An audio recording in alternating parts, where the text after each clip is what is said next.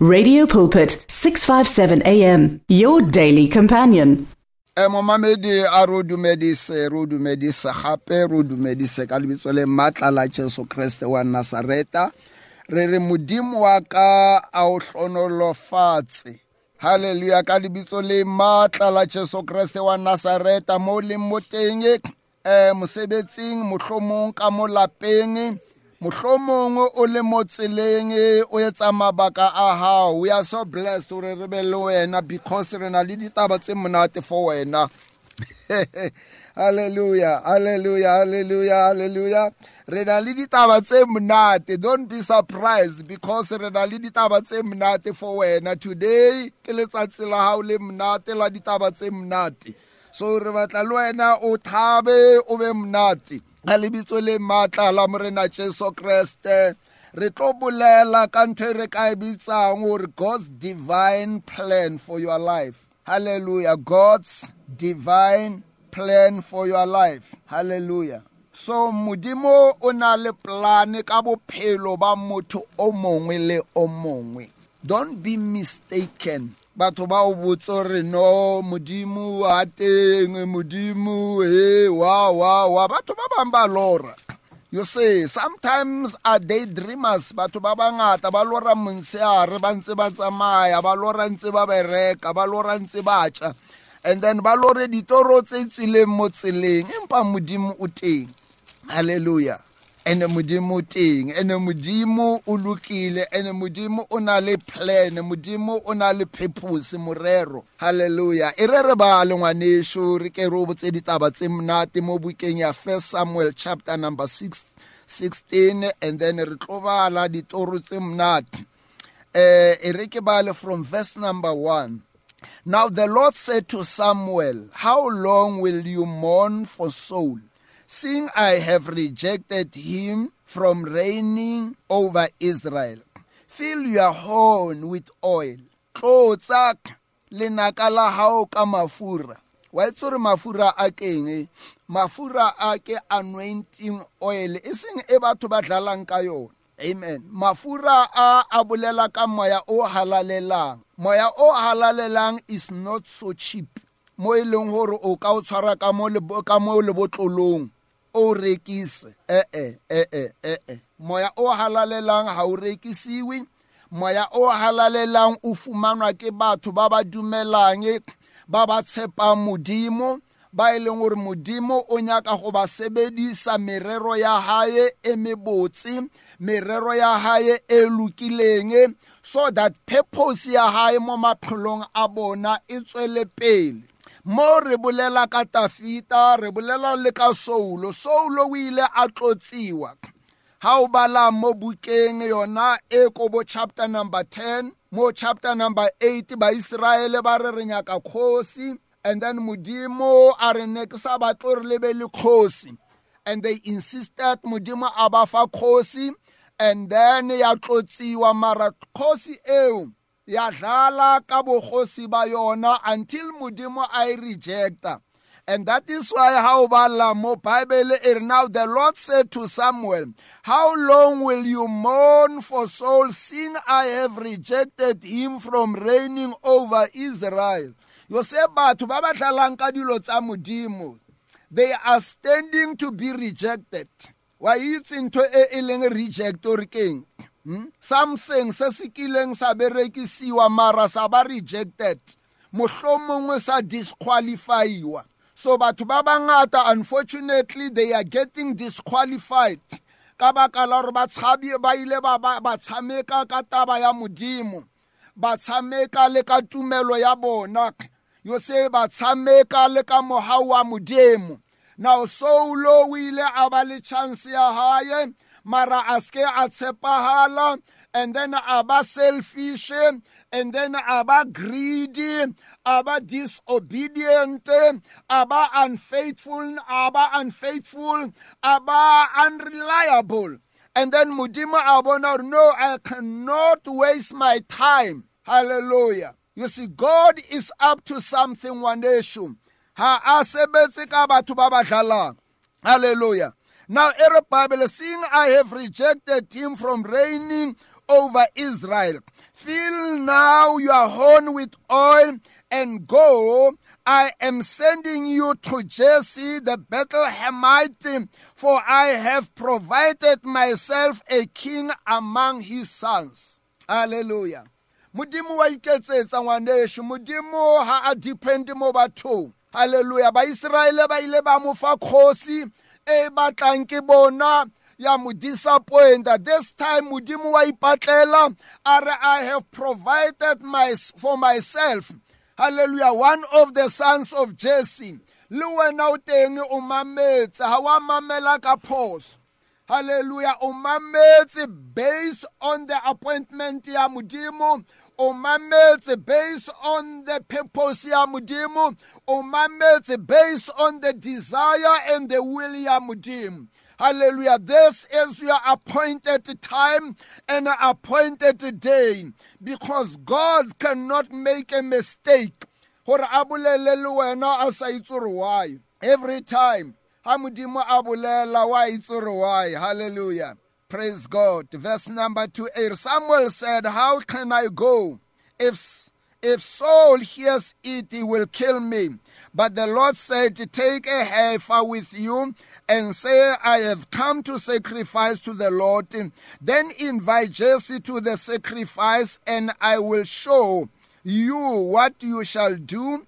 You shall anoint for me the one I have to you. You shall anoint for me the one I name to you.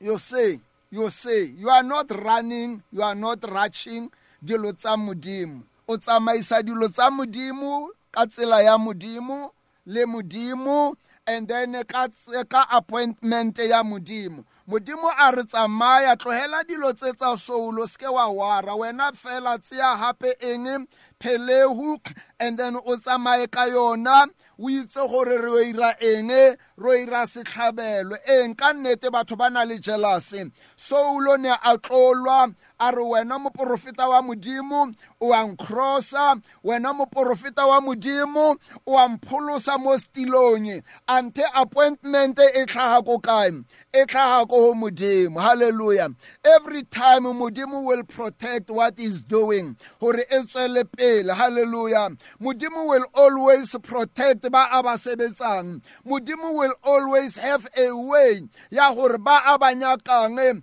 o kopana le bona bjang modimo wena mohlomong ga o tsebe appointment ya modimo mara e re ke o hopotso re ka tseno modimo o bolela le wena gona mo o leng mo teng o tshwana le yena tafita o a neng a le ko madisong ne ba sa mo invita ebile ne ba sa mo informa gore go tlo tlhagelela mohlanka wa modimo o ne a le relaxed a dlala diharepa tsa gae a tlhokometse dinku tsa gae hae a lwana le dibere tsa le ditau tsa anti modimo o na le a plan ka bophelo ba god is a good god hallelujah a re bale o re modimo ke tla o bontsha ke tla le lebitso la o o tshwanetseng gore o So Samuel did what the Lord said and went to Bethlehem, and the elders of the town trembled at his coming and said, Do you come peaceably? E ka ba o tla ka khotso mohlanka wa modimo oro go na le mathata. Hallelujah. Hallelujah. E re mashele e ka ba o na le o tla ka khotso na. Mashele o tla ka khotso ngwaneso. Mashele o tla ka ditaba tse monate tsa bophelo ba hao. Mashele o tla ka breakthrough ya hao. Hallelujah, mashele o tla ka success ya hao mashele o tla ka appointment ya modimo mo bophelong ba hao and he said peaceably i have come to sacrifice to the lord sanctify yourself and come with me to the sacrifice then he consecrated jesse and his sons and invited them to the sacrifice hallelujah you are so much blessed gore o mamele ka tšeno because modimo is speaking to you i can feel the spirit of god God is penetrating your life, your heart, your mind, your belly, and everything. God is changing your mindset, your attitude. Hallelujah. You'll be a different person, a different man or woman. Oh, thank you, Jesus. Hallelujah. Verse number six reading. For it was when they came that he looked at Eliab and said, Surely the Lord's anointed is before him. But the Lord said to Samuel, Do not look at his appearance or at his physical stature, because I have refused him. For the Lord does not see as man sees. For, for man looks at the outward appearance but the lord looks at the heart modimo o sheba pelo ngwanešo modimo o sheba dikelello modimo ga a shebe tshobotse ya motho mohlomong go na le batho ba ba bonagalang ba le kagone go feta wena mohlomong go na le batho ba ba bonagalang ba rutegile go feta wena mohlomong go na le batho ba e leng gore ba tsebiwa go feta wena mohlomong go na le batho ba ba nang le ditšhelete di-businessmen business women you see government officials and so on eh, the list goes on and on and on but i thank god modimo will look and see beyond the limitation e batho ba nang le yone halleluya modimo will come to your family mohlomong o nna ko mohlomong ha o na le baesekele mohlomong ha o na le katse ha o na le mpya ha o na le selo mohlomong batho ba o lebelela ko fatshe mara modimo a re um ke bone pelo ya gago ke bone kgotlelelo ya gago ke bone maitsholo a gago boikokobetso ba gago ke bone go tshepagala ga gago and then ka tseno i've come Hallelujah. To anoint you. I've come to appoint you. I've come to choose you in the mighty name of Jesus. What a wonderful visit. Hallelujah. Mudimu oteng God cannot lie. Mudimu cannot be selfish. Hallelujah. Ore uske wa lebella tshobotsi, uske wa lebella gore batho ba ba attractive bjang wena lebella fela pelo ya hae le kelello haleluya because mudimu o kena ka mohare ha pelo ya motho so Jesse called Abinadab and made him pass before Samuel. And he said, Neither has the Lord chosen this one. Then Jesse made Shammah pass, and he said, Neither has the Lord chosen this one. Thus Jesse made seven of his sons pass before Samuel. And Samuel said to Jesse, The Lord has not chosen this. Hallelujah. ba teng batho ba ba tsamayang around ba teng batho ba ba drivang ba batho ba ba bolelang empa modimo o re no a ka kgetha bona please don't waste my time hallelujah o teng ngwaneso o mametse i can see i can hear i know Hallelujah. O mametse ka tlhoafaloelo. A ke bolele or this is your time, this is your day. Hallelujah. If I can prophesy, I will prophesy. Hore ka tseno amogela Jesu, ka tseno e ikokobetse.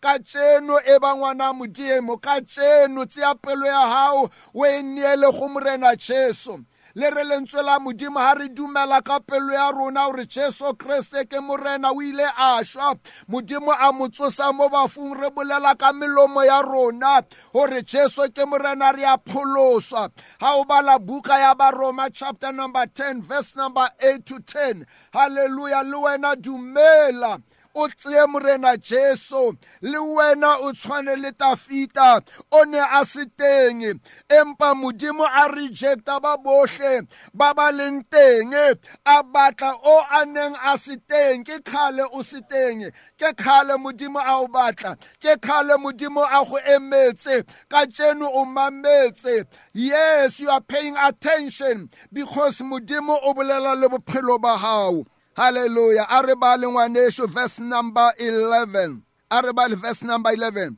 And Samuel said to Jesse, Are all the young men here? Then he said, There remains yet the youngest, and there is and there he is keeping the sheep. And Samuel said to Jesse, Send and bring him, for we will not sit down till he comes here.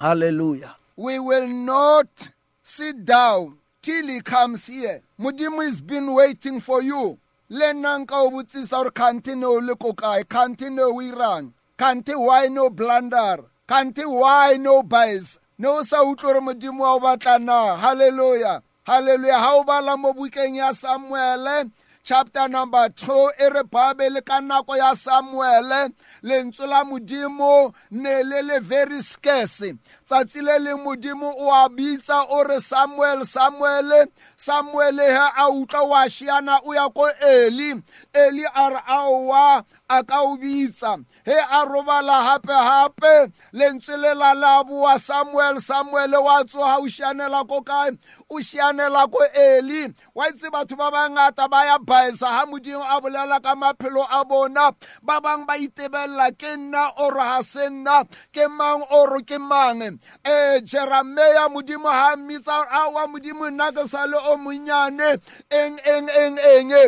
Isaiah ha modimo a mmitsa a re a wa nna ke melomo e ditshila people will always have some eh, excuses today modimo wa ka ke khala a o batla ke khale modimo wa ka a leka ho recha ke khale re modimo a leka ho bolela le wena ngiyakholwa ukuthi uzosabela namhla uzoza kuJesu nawe uzophakamisa izandla ovume ngomlomo wakhe othi inkosi ngiyazinikela haleluya bashiyana o re mohlanka wa modimo re ke ke ra dula until a fitlhe a tlo ba mona so he sent and brought him in now he was ruddy with bright eyes and good looking And the Lord said, Arise, anoint him, for this is the one. Then Samuel looked, then Samuel took the horn of oil and anointed him in the midst of his brothers,